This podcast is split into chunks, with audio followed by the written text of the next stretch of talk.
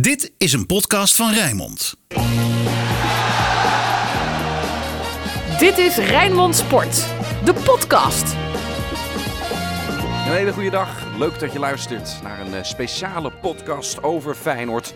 Waarin collega Dennis Kranenburg drie kwartier lang gaat praten met Arne Slot. Hij is nu anderhalf jaar de trainer van Feyenoord.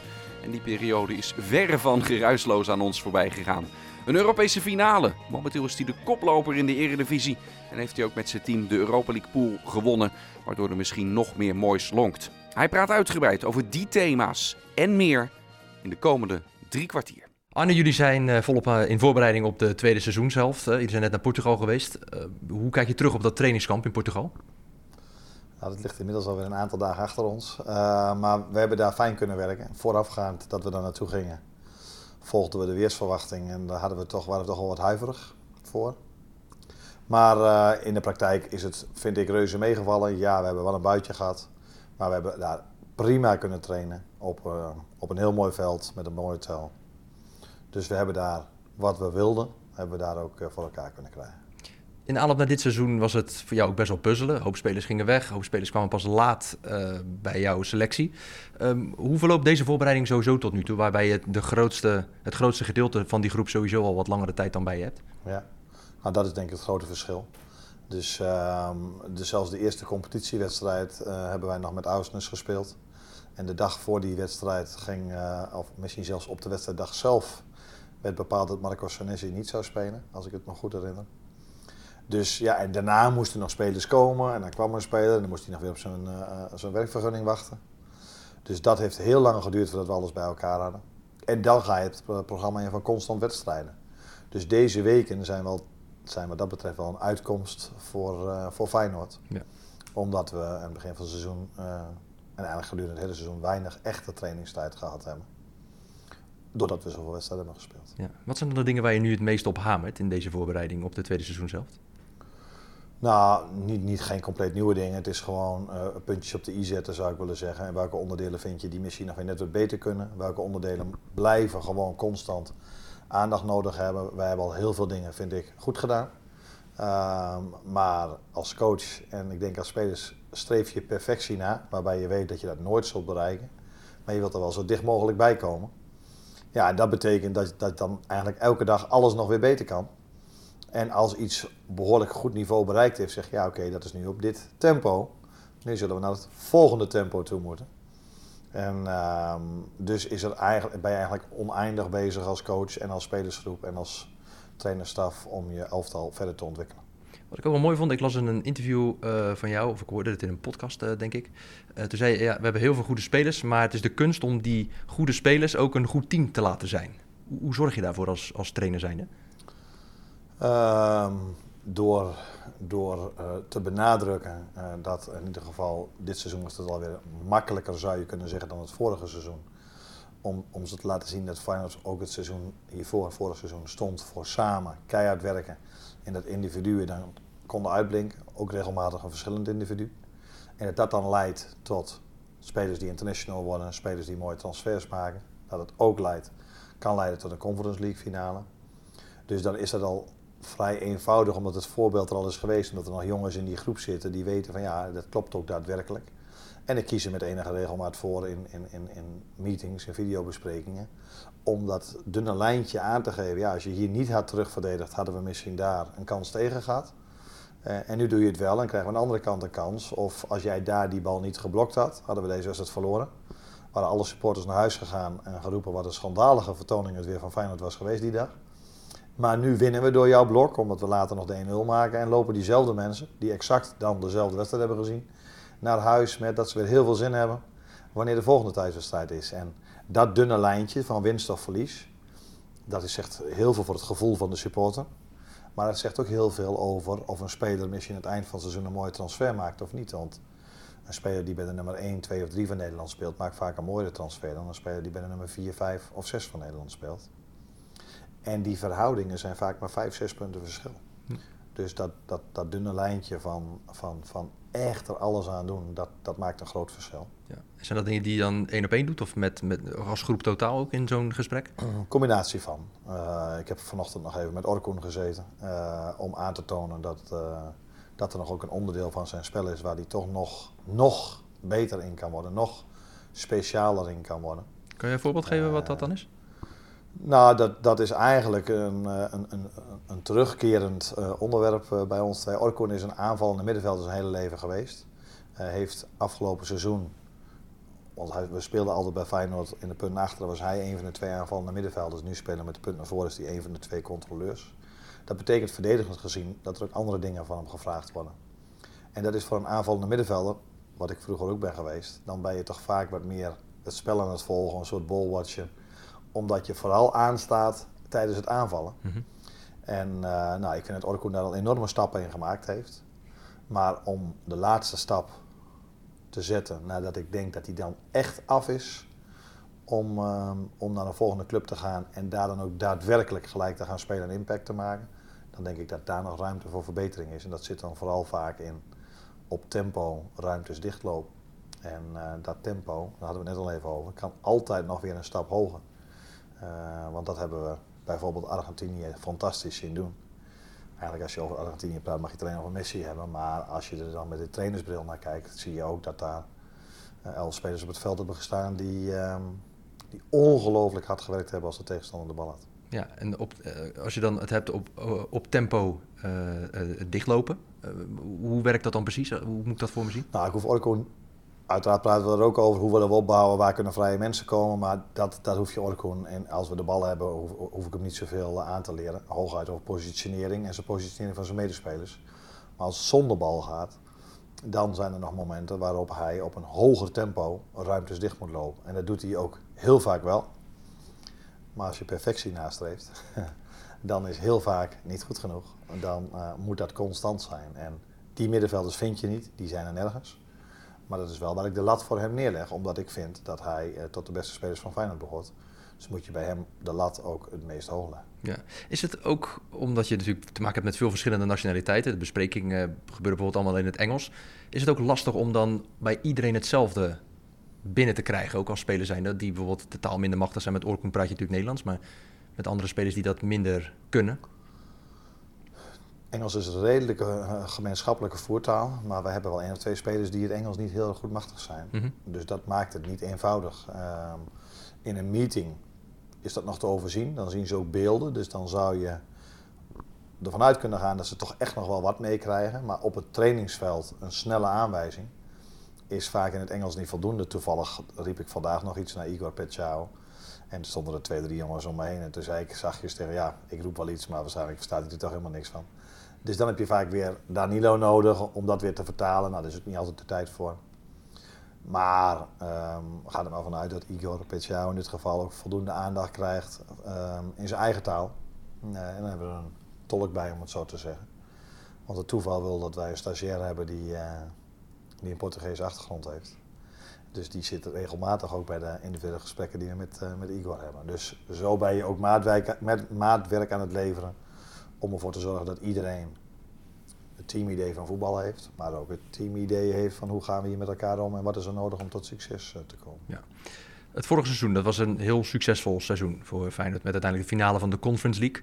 Hoe lastig was het voor jou om dit seizoen dan weer helemaal eigenlijk op nul te moeten beginnen met zoveel spelers die weggingen, zoveel spelers die kwamen? Ja, idealiter bouw je verder uh, aan een team. Uh, maar het was niet compleet nieuw voor me, want uh, toen ik bij Feyenoord tekende, had ik de enorme wens en de hoop dat Steven Berghuis zou blijven. En nog voor mijn eerste werkdag was die weg. Dus, dus dan kun je zeggen, dan heb je al wel een klein beetje ervaring met uh, het feit dat een belangrijke speler, want dat is Steven, los van dat hij nu naar Ajax gegaan is, maar dat is Steven natuurlijk geweest in zijn Feyenoord-periode, weggaat voor een zeer beperkte transfersom, is dat een behoorlijke domper.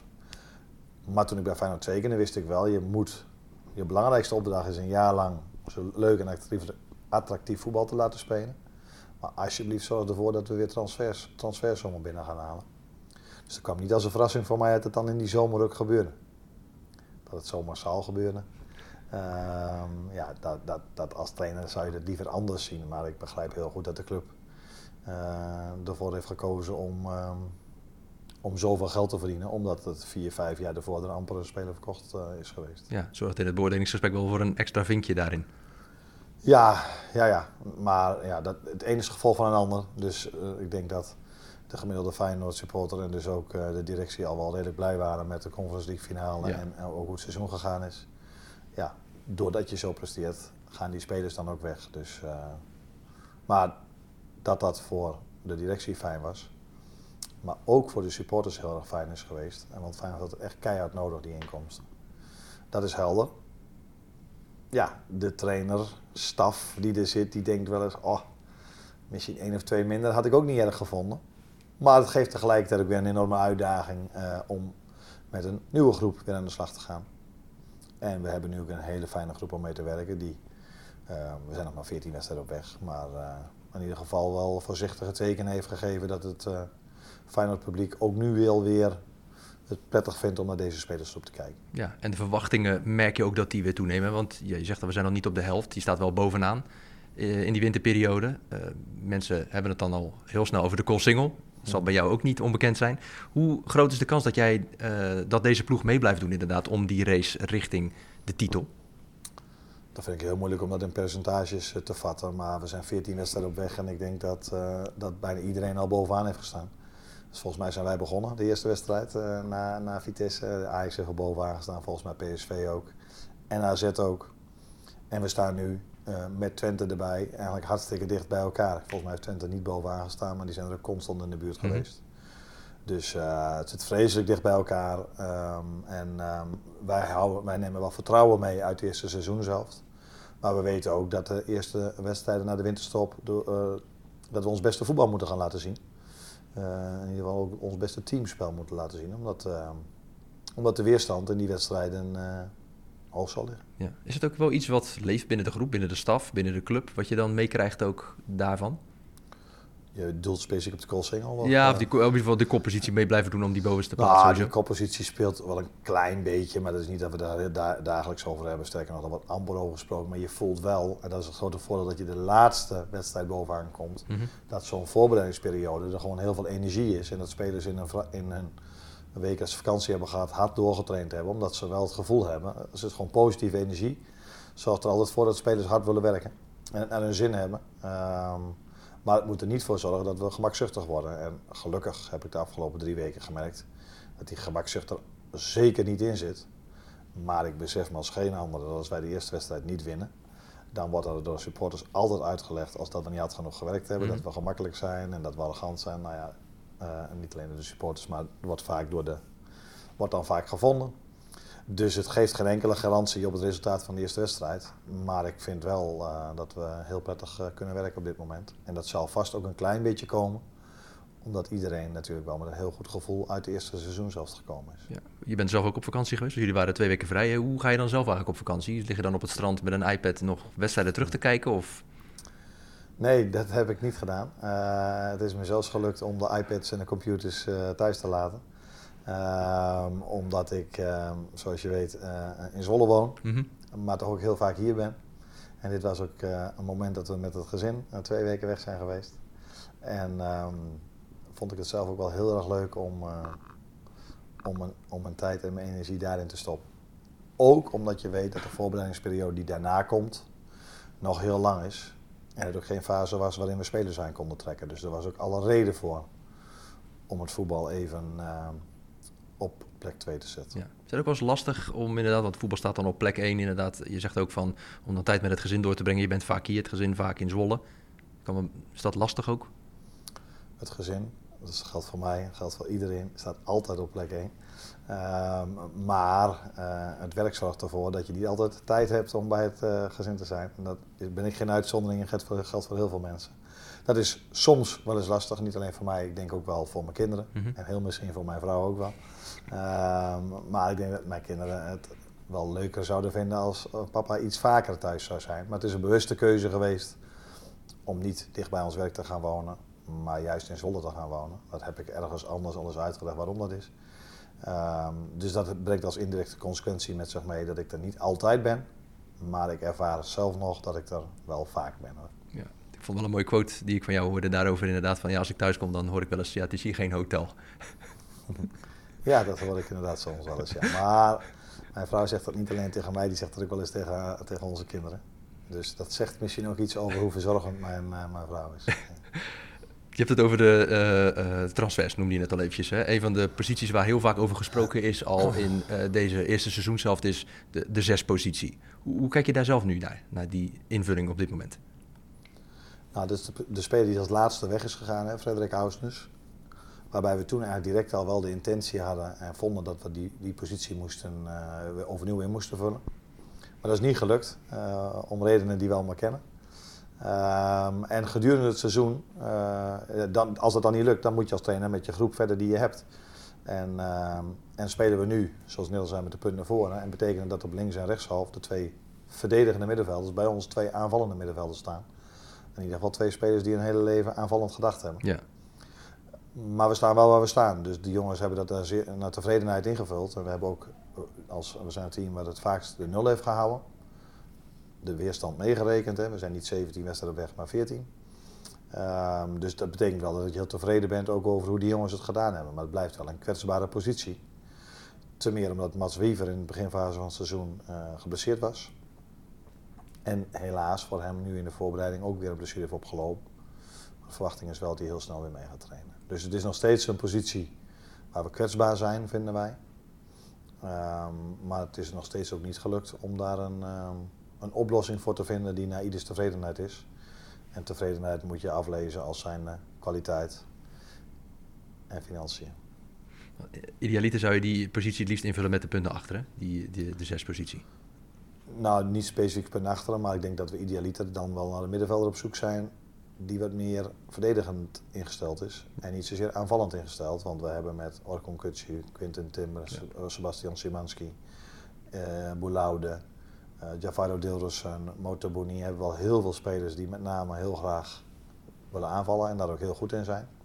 En na nu, nu soms wel eens beperkt worden, omdat, uh, omdat ze ook verdedigender moeten spelen dan misschien gezien hun kwaliteit wel, wel goed voor ze zou zijn.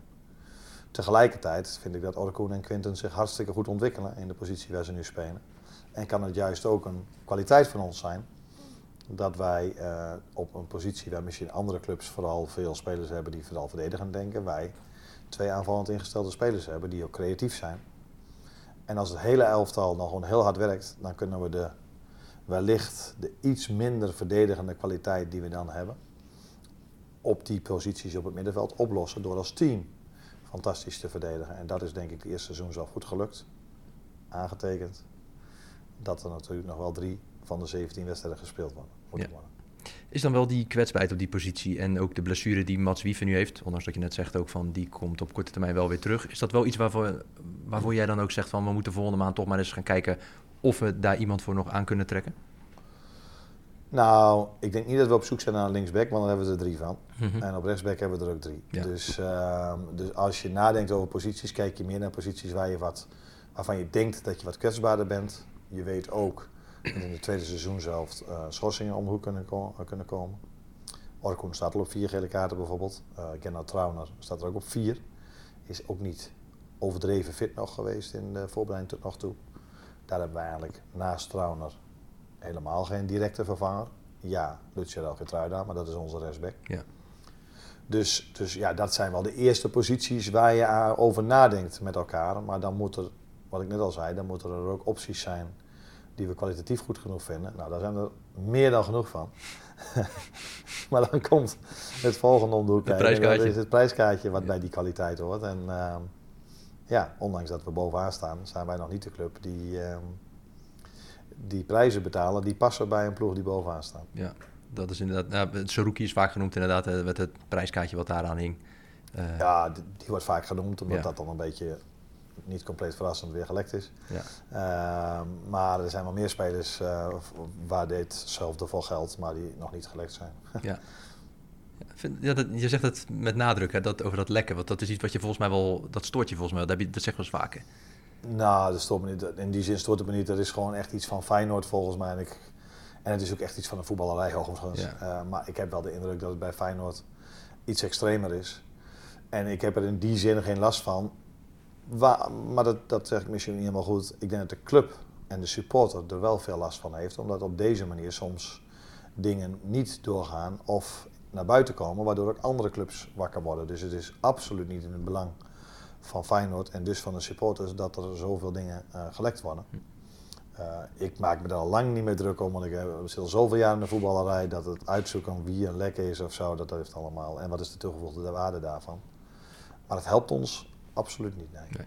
Ik wil even met je terug naar het vorige seizoen, dat Europese successeizoen. Hoe heb je zelf dat seizoen beleefd? Ja, constant door rollercoaster zou ik bijna zeggen. Geen tijd om, om, om bijna stil te staan bij uh, wat er gebeurde. Omdat de volgende wedstrijd alweer op het programma stond en we eigenlijk op twee fronten behoorlijk lang hebben meegedaan. Ik denk dat, uh, dat klinkt nu misschien vrij gek als ik het nu zeg, want we zijn best veel punten achter Ajax geëindigd. Maar tot aan de wedstrijd in de arena vond ik dat we ook nog wel meededen voor, voor plek 1 en in ieder geval voor plek 2. Uh, omdat, ik weet het niet uit mijn hoofd, maar zijn we 8 punten achter Ajax geëindigd? Of nog meer? Nou ja, in ieder geval dan maak ik altijd het rekensommetje. Zonder 2 in voor in de, in de 78e minuut. Als je die over de streep trek had getrokken, dan hadden wij nu drie punten meer, gaat Ajax drie minder. Dus dan mm. gaat het vrij snel, loopt het naar elkaar toe ik geef dit voorbeeld dat jij vraagt, van, ja, dan, dan blijft dus elke wedstrijd belangrijk. En we wonnen volgens mij de halve finale van Marseille en moesten zondags tegen PSV. En ook in die wedstrijd hadden we nog een hele kleine kans om misschien plek 2 te veroveren als we van PSV hadden gewonnen. Nou, dat zat er niet in. Dus is het eigenlijk tot de laatste wedstrijd door, door, door, door, door geweest. De enige wedstrijd waar geen druk op stond was Go Eagles uit. Uh, omdat toen was eigenlijk plek 3 veilig gesteld. Maar ja, dan ben je alweer bezig met de finale. Dus, ja. uh, maar erop terugkijken is het natuurlijk een geweldig seizoen geweest. Als je dan ook in je eerste seizoen als trainer bij Feyenoord bezig bent, hè, dan ja, komt er heel veel ook op je af natuurlijk. Hè? Nieuwe club, eh, andere uh, omstandigheden ook. Hoe zorg jij dan ook voor dat al die puzzelstukjes uiteindelijk op de juiste plek vallen, dat je inderdaad zo'n finale kunt halen en zo lang mee kunt blijven doen in het seizoen? Ja, dat is niet, niet, niet één idee voor. Dat is gewoon elke dag weer uh, uh, nadenken, keuzes maken. Uh, um, vooral keuzes maken. En elke dag moet je, moet je meerdere keuzes maken om, als je niet eens het puzzelstukje constant in elkaar te laten vallen, maar wel weer bij elkaar te houden of dichter bij elkaar te brengen. Als het dreigt iets verder uit elkaar te vallen, dan moet je weer keuzes maken om te kijken hoe kan ik het weer voor elkaar krijgen. Dus het is gewoon werken, werken, werken, werken, werken. Nadenken, juiste keuzes maken. -hmm. Uh, en keuzes, heel breed. Hè? Welke bespreking doe ik? Welke training doe ik? Uh, hoe ga ik om met iemand die misschien iets gedaan heeft waar ik buiten het veld niet helemaal tevreden over ben? Uh, staf, hoe gaan wij daarin met elkaar om? Kortom, dat is dagdagelijks werk. Ja. Waarin je constant keuzes maakt. En zo probeer je in een jaar zoveel mogelijk goede keuzes te maken met elkaar. Niet alleen ik, maar die doen we echt met z'n allen om ons elftal zo goed mogelijk te maken. En dat, dat zit in voetbal, dat zit in tactiek, maar dat zit ook in omgangsvormen, teamdynamiek, hoe graag willen we winnen. Dus dat is een constant doorlopend proces. Ja, echt het managen van alles er ook omheen, wat dat betreft. En dat doe ik helemaal niet op managen van supporters of directie. Nee, gewoon ik. de groep waarmee we werken, daar focus, focus ik me ook eigenlijk volledig op. Dus... Um, ik zou bijna zeggen, als Dennis de Kloese bij me komt om iets te vertellen over hoe het nou precies met het stadion gaat, dan gaat er dit oor in en dat oor weer uit. Want ik ben met andere dingen bezig. Um, er zijn heel veel mensen die zeggen, als het onrustig is boven, is het heel moeilijk om, om, technisch goed te presteren. Mm uh, nou, dat is het bij ons geweest, hè, met het vertrek van uh, Mark Koevermans, uh, onder andere. Ehm, maar dan, ik, ik focus, het is geweldig, we zitten hier op 1908, dus dit is mijn wereld. Daar heb ik invloed op en daar ben ik constant mee bezig. En, uh, en uiteraard, als de buitenwereld iets kan beïnvloeden voor deze binnenwereld, dan wil ik dat graag weten. En probeer ik dat op mijn manier wel te managen. Ja. Maar ik ben niet met allerlei randzaken bezig. Uh, nee. nee, het houdt een keer op. nou, maar dat vind ik één niet heel interessant. En twee, ja. uh, denk ik, als ik daarmee bezig ben, heb ik geen tijd om met hetgeen bezig te zijn waar ik zelf in ieder geval van denk dat ik daar uh, meer, meer nodig ben dan op al die andere terreinen. Ja, snap ik. Je hebt het, het, uh, het winnen van de pool in de Europa League wel eens vergeleken met het behalen van de finale in de Conference League. Dat het misschien wel een knappere prestatie is. Kun, kun je dat dus uitleggen? Nou, knapper of soortgelijk. Dat is eigenlijk heel simpel. Uh, het is twintig jaar geleden dat Feyenoord een, uh, een finale heeft gehad. Mm. En het is ook twintig jaar geleden dat Feyenoord bij de laatste 16 op Europa League niveau heeft gezeten. Dus als het 20 jaar lang niet lukt voor een, club om de laatste 16 op Europa League niveau te halen, ja, volgens mij praten we dan om en nabij over dezelfde prestatie. voor de buitenwereld is natuurlijk het spelen van een Conference League finale aansprekender. Maar ik vraag me wel af wat knapper is het halen van de Conference League finale. Omdat ik wel vind dat wij vorig jaar de pech de zaakjes hebben gehad dat we veel Europa League waardige tegenstanders hebben gehad.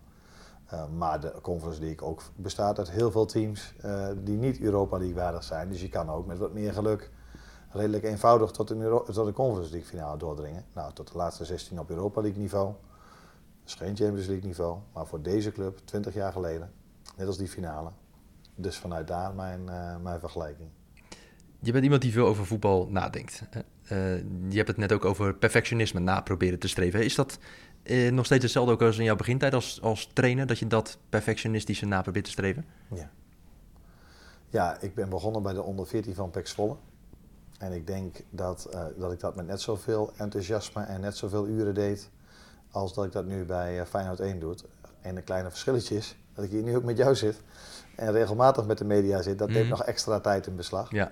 Maar als ik kijk naar de tijd die ik destijds uh, ervoor nam om een videoanalyse te maken of andere beelden uit te zoeken, dat zal denk ik niet afwijken van wat ik nu doe. Omdat ik het gewoon heel erg leuk vind om wedstrijden te winnen, maar ik vind het ook ontzettend leuk en waardevol om met de staf, en dat heb ik niet alleen over de trainers, maar ook de, de performance coaches en de, en de medische staf, spelers beter te maken. En er is geen mooier compliment voor een, voor een staf en voor een spelersgroep. Want je bent met z'n allen, het team maakt het individu sterk. Als het vervolgens spelers mooie transfers maken. Mm -hmm. En dat is, uh, ja, dat, is dat, dat, dat vind ik heel mooi aan trainersvak. Zo vond ik het ook heel mooi als een onder 14 speler het zo goed ontwikkelde dat hij eerder naar onder 15 kon. Of uh, dat, dat je echt zag dat zo'n speler stappen maakt. Ja. Dat geeft heel veel voldoening. Dus dat is, voldoening is misschien een mooier woord dan waardevol dat perfectionistische, dat, mensen denken altijd vaak dat heeft een heel positief uh, iets, maar ik denk dat het misschien ook juist een valkuil kan zijn. Kan zijn. Uh, ervaar je dat ook wel eens zo? Uh, dat de lat misschien wel eens heel hoog ligt, misschien onrealistisch hoog, misschien zelfs wel eens? Nou, het, het, het kan wel soms wel eens iets te ver doorstaan als het gaat om de tijd die je erin stopt. Dus je, ik vind nog wel eens dat ik nog een wedstrijd moet kijken en nog een wedstrijd moet kijken en, en, en, en nog weer die training terugkijken en dat nog weer terugkijken dat is maar de vraag of je daar ook altijd een betere trainer van wordt. Of dat iets meer sociaal, uh, iets, iets meer ook genieten van het leven. Kan je ook een prettiger mens maken. Als je een prettig mens bent, kan je ook misschien een prettiger leidinggevende zijn. Los van het trainerschap, maar überhaupt leidinggevend zijn. Dus die balans moet ik nog wel eens een beetje voor mezelf zoeken. Uh, alhoewel ik ook echt wel privé leuke dingen doe. Maar ik, um, ik, ik blijf wel op zoek van waar kan ik nog iets extra's doen om het elftal beter te laten spelen of het individu beter te laten presteren. Dus dat is wel, um, nou, of dat valkuil is, maar um, soms vraag ik mezelf wel eens af of het wel noodzakelijk is om nog die extra, extra wedstrijd nog een keer te kijken. Of dat dan gewoon eens even ontspannen, misschien achteraf gezien geen betere oplossing was. Maar gezien het feit dat, het, uh, dat de sportieve resultaten nog niet erg tegenvallen sinds ik trainer ben, denk ik toch ook wel dat het misschien wel een kracht van me is dat ik er zoveel tijd in stop. Ja. Je zei pas alleen in een interview ook van, uh, ik heb als trainer nog een lange weg te gaan. Waar zie je voor jezelf de ontwikkelpunten in? Nou, dat hoop ik, dat ik nog een lange weg te gaan heb, want ik ben 44 en uh, ik zou echt nog wel heel veel jaren trainer willen zijn. Dus vanuit daar zeg ik, ik heb nog een lange weg te gaan. Waar zie je ontwikkelpunten in? Elke dag. En er zijn geen grote punten die ik in mijn hoofd heb, maar elke dag is het keuzes maken. En uh, het voetbalspelletje verandert ook. Dus uh, als ik nu interviews van mezelf van vier, vijf jaar geleden teruglees, uh, dan was ik heel halstarrig in bepaalde ballen die ik niet wou zien. En dat zijn ballen waar we nu op trainen. dus, maar dat heeft er ook mee te maken dat destijds de midden veel meer ruimte bood dan tegenwoordig. Dus je wordt bijna gedwongen om er omheen te spelen. Waar ik, als ik interviews van 5, 6, 7, 8 jaar geleden lees, dat de complete nadruk bij mij ligt op mensen tussen de linies vrij spelen. Hm. Dat is nog steeds tot in zekere hoogte wel het geval. Maar dat wordt wel steeds moeilijker. Omdat elke tegenstander uh, helemaal van Feyenoord, maar op het WK deden ze het allemaal. Met, uh, met 25 spelers rondom de eigen 16 uh, is dat opgesteld. dat kan niet, maar wel met team. Ja, je, ja je, je, zei het in het begin ook, hè? je bent zelf voetballer geweest, hè? aanvallende middenvelden. Wist jij op dat moment al, misschien al jong, al dat je een trainer zou worden laten? Nou, weten is een groot woord. Ehm, mijn omgeving zal dat denk ik wel. eh, er zijn er voldoende eh, spelers waarmee ik gespeeld heb die dat eh, eh, kunnen bevestigen. Eh, maar wel altijd met voetbal bezig geweest. Maar dat niet in de laatste plaats, omdat mijn vader ook amateurtrainer eh, jarenlang is geweest. En ik ook zag dat hij daar veel mee bezig was. eh oefenvormpjes uitschreef. met kruisjes en rondjes, wat ik nu nog steeds doe. En, en dan kwam het ook wel eens voor, omdat hij leraar was. En een leraar heeft het heel zwaar, dat besef ik me te degen. Maar ze hebben ook heel veel vakantie. ten opzichte van sommige andere banen. En, ehm, en dus ging mijn vader en mijn moeder ook wel eens op vakantie. En dan vroeg hij of ik die training over wou nemen. En dat vond ik dat altijd dusdanig leuk. Dat het eh, niet als een complete verrassing ook voor mij is gekomen dat ik ooit uh, trainer zou worden. Is dat educatief ook? Want jouw ouders waren volgens mij allebei uh, docent. Hè? Jouw vrouw en zus volgens mij ook. Ja. En is dat ook iets wat dan eigenlijk misschien al vanaf van jongs af aan al een beetje is meegegeven? Dat ja, proberen mensen op te leiden, te begeleiden, beter te maken? Ja, misschien zit het een klein beetje dan in je DNA voor zover dat kan. Daar ben ik niet voldoende, heb ik niet voldoende kennis van om, uh, om dat te weten. Um, maar ja, het zou kunnen. Um, ik denk dat het ook een bepaalde persoonlijkheid is die je moet hebben. En dat je bepaalde dingen ook leuk moet vinden om... De een vindt het geweldig wat ik doe. En, en dan zeggen oh, dat je dat kunt. de stress van de media, dit, dat. En als ik gisteren in het Sofia kinderziekenhuis loop... dan heb ik juist zo enorm veel respect voor die uh, zusters en die doktoren die daar lopen. Dan denk ik, poh, dat je dat kan. Dus zo heeft iedereen, denk ik, zijn passie ergens voor. En dat educatieve zou kunnen dat dat inderdaad in me zit vanuit hoe mijn ouders met mij, met ons als kinderen gecommuniceerd hebben. Ja. Dat je dan die voorbeelden ziet en dat je nou ja, dat toch in je onderbewustzijn meeneemt. Maar, maar, daar heb ik geen, uh, geen wiskundige studie van gemaakt om, uh, om dat te bepalen of dat zo is. Als je die, nou, het zal niet zijn als je de trainingen van je vader af en toe eens over mocht nemen, maar misschien later wel toen je de, bij Pek Zwolle in de jeugd ging trainen. Um, was dat dan al dezelfde spelstijl die je toen al probeerde toe te passen bij die jonge gasten, zoals je dat nu ook doet bij de mannen van Feyenoord? Ja, als ik het bij mijn vader mocht overnemen, deed ik het 180 graden de andere kant op. Ja. Want ik ging die hele speelstijl veranderen. Nee, dat. Nee, dat, dat, dat, dat, had, had nog niks met speelstijl te maken. Je deed een paar oefenvormpjes die je zelf als speler leuk vond. Ja. En, uh, het woord trainer mocht dat nog niet dragen. Maar je vond het wel leuk om dingen uit te zetten. Te merken dat spelers het leuk vonden als je ze training had gegeven. Als je kijkt naar de speelwijze van de onder 14 van Pek Zwolle. En de ontwikkeling van die jongens in dat jaar dan durf ik bijna wel te zeggen dat er heel veel overeenkomsten zijn met hoe Feyenoord nu speelt en hoe Cambuur in het verleden speelde en AZ gespeeld heeft onder mijn leiding. Dus er zitten nog heel veel overeenkomsten in. Maar, ik zei net al, er zijn toch ook wel een aantal dingen waarvan spelers waar ik de afgelopen jaren mee gewerkt heb zeggen, nou, ik snap niet dat dat bij die trainer nou die bal gespeeld wordt. Want dat was in onze tijd, uh, was dat niet denkbaar dat je die bal speelde, want dan hoorde je de dag daarna in de nabespreking. Dus, dus ja, je bent constant aan het meeontwikkelen, maar de grote lijn is denk ik zeker nog hetzelfde. Ja. Wie is jouw voorbeeld als trainer?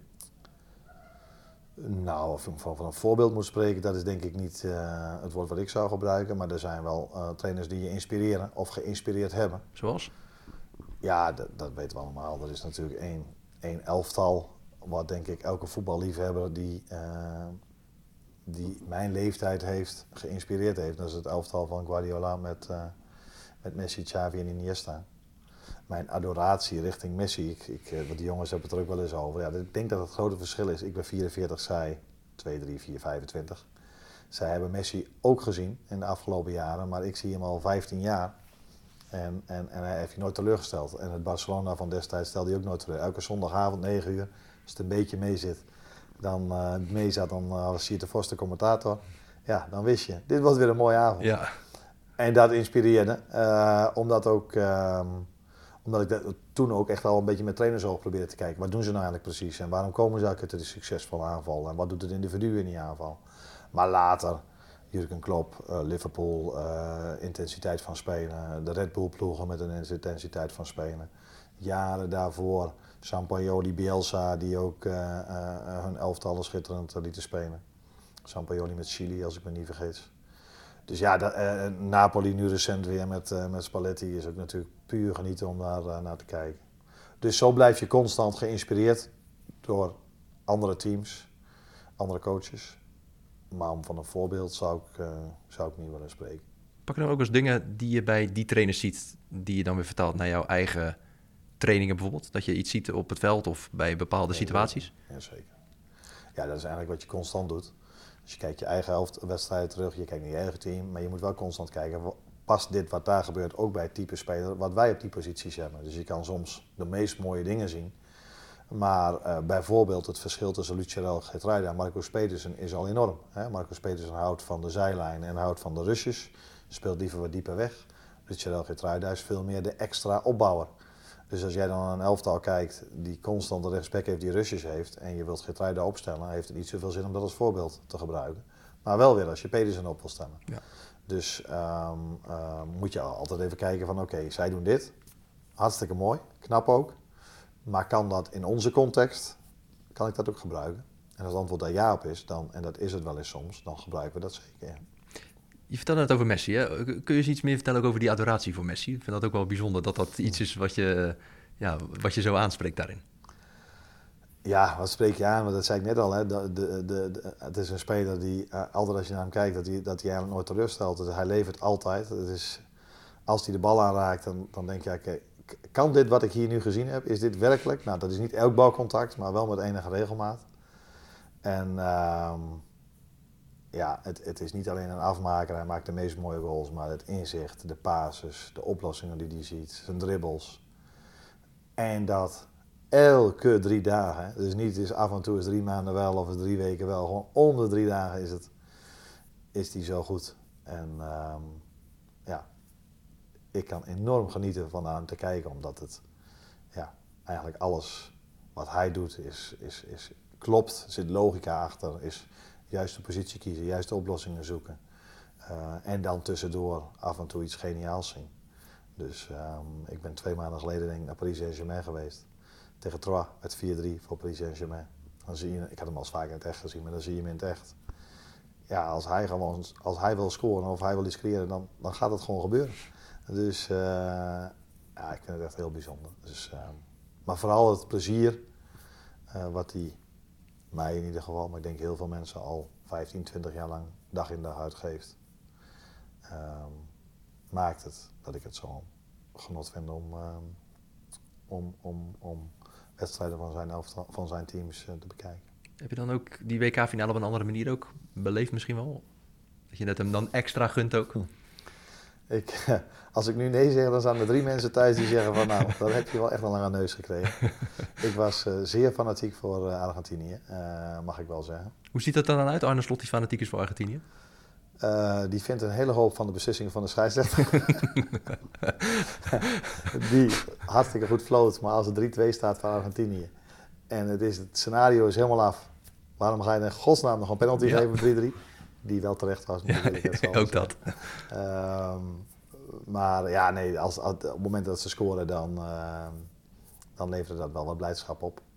En ehm, Vind je dan op uit de stoel? Of? ja, in dit geval bij de 3-2 zeker, ja. Omdat ik het, eh, maar dat heb ik zeker bij Messi. Maar als ik Tiger Woods zit te kijken nadat hij zijn been heeft gebroken, dan hoop ik ook, dat vind ik het zo'n mooi sportverhaal, Ja. als hij dan nog weer een eh, major wint. Als Roger Federer op zijn 38e nog een keer Wimbledon zou kunnen winnen, dan vind ik dat zo'n mooi sportverhaal dat ik enorm hoop, dat dat, omdat dat wel technisch zulke fantastische spelers zijn, eh, zoveel talent. Ja, dan hoop je daarop. Dus dit was zo'n mooi verhaal als Messi hem nou zou winnen.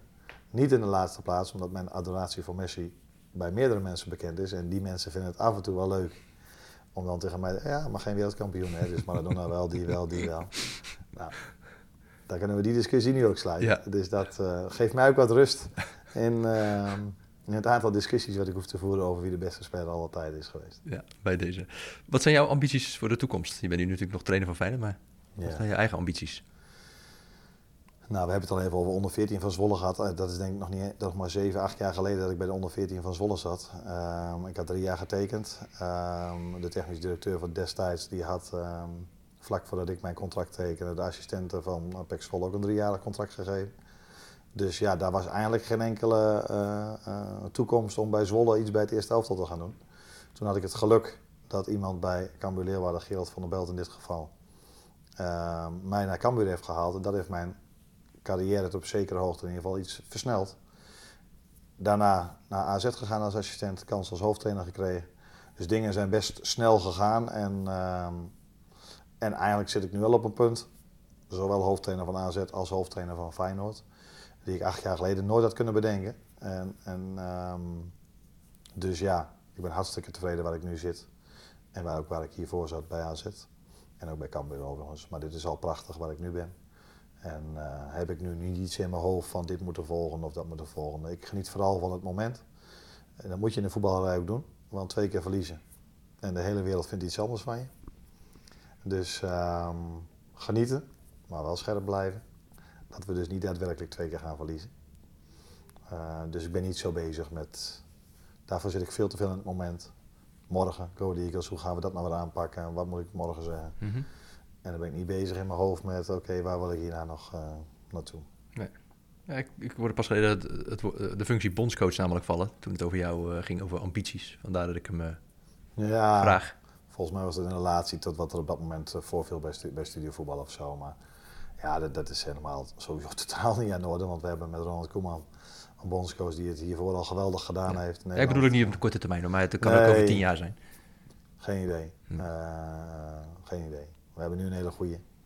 we hebben ook een hele goede assistent bondscoach met uh, Sip Kulshoff.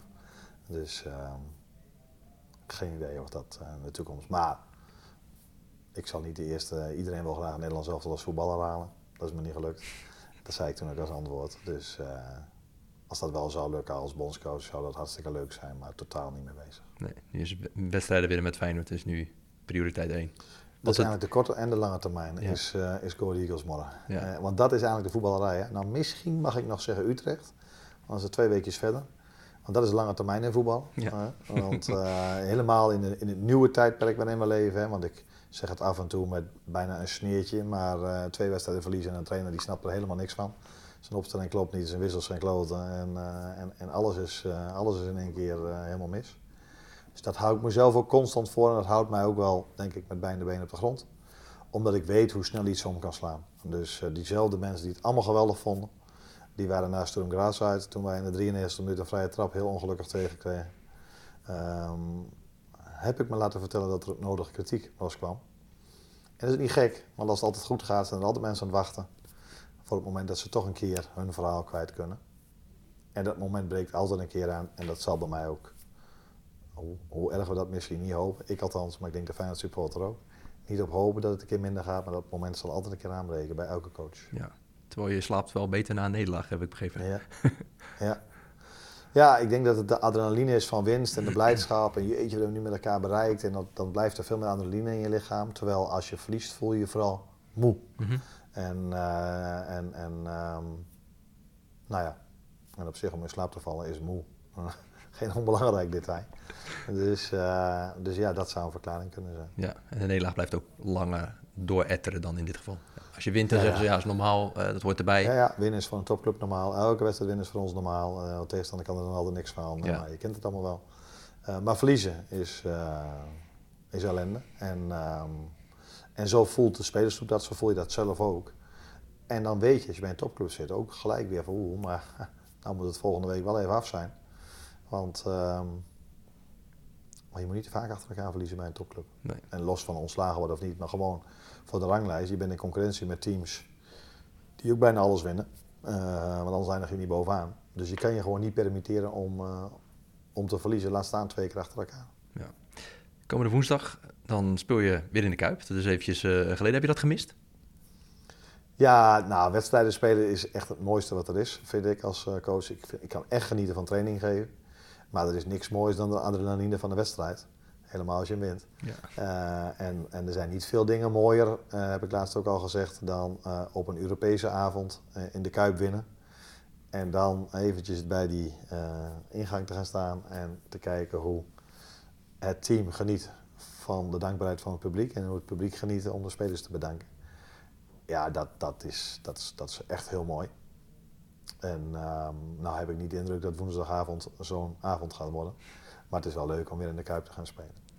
Nog één dingetje over dat Europese nog. Uh, dat, gaat, dit is in de voetballerij de lange, lange termijn, want dat, gaat, dat is begin maart pas. Ja. Um, wat hoop je daarin eigenlijk? Wat voor tegenstander hoop je daarin te treffen, als je, als je straks mag kiezen? Nou, een naam De enige twee clubs waarvan ik zeker weet dat ze erin zitten is, uh, is Barcelona en Manchester United, omdat die ook nog tegen elkaar spelen. En ik gisteren een artikel van uh, Erik ten Aglas. Dus ik ken niet alle, alle clubs die erin zitten, maar er zitten een aantal hele grote clubs tussen. Maar hoop je daar dan op of juist op dat, dat er een grotere kans is dat je ja. misschien nog verder gaat komen? Uh, als het ook om oefenwedstrijden gaat, en dat geldt eigenlijk indirect ook voor Europese wedstrijden, ik denk dat het beste wat je kan overkomen is een hele grote naam te hebben die op dat moment niet zo goed presteren. Dat is, dat is beter dan een wat minder bekende naam te hebben waarvan jij weet, zo, die zijn echt goed. Als voorbeeld, Stade Rennes is, is op dit moment echt een hele goede ploeg in Frankrijk, maar heeft niet de allure van een grote club. Terwijl bijvoorbeeld een club als Valencia een enorm grote naam heeft, maar op dit moment uh, minder goed presteert. Dus dat zeg ik ook wel eens uh, tegen de teammanager die de oefenwedstrijden moet regelen. Ja, denk wel een klein beetje na over uh, wat, je, wat je binnenhaalt, ook in oefenwedstrijden. Want verliezen van een ploeg die heel goed is, maar niet zo bekend is, um, nou, levert ook weer onrust op. Hm. Dus kijken ook naar de Europa League is het het mooiste. Als je een grote naam hebt die tot de verbeelding spreekt, mensen geweldig vinden, een prachtig affiche, maar die toch misschien nu in een 1, 2, 3 jaar lang al in een wat mindere fase zitten van een, uh, van een bestaan. We gaan zien wat eruit uh, gaat komen. Dankjewel. Veel succes in de tweede seizoen zelf. Dankjewel. Dit was Rijnmond Sport, de podcast. Meer sportnieuws op Rijnmond.nl en de Rijnmond app.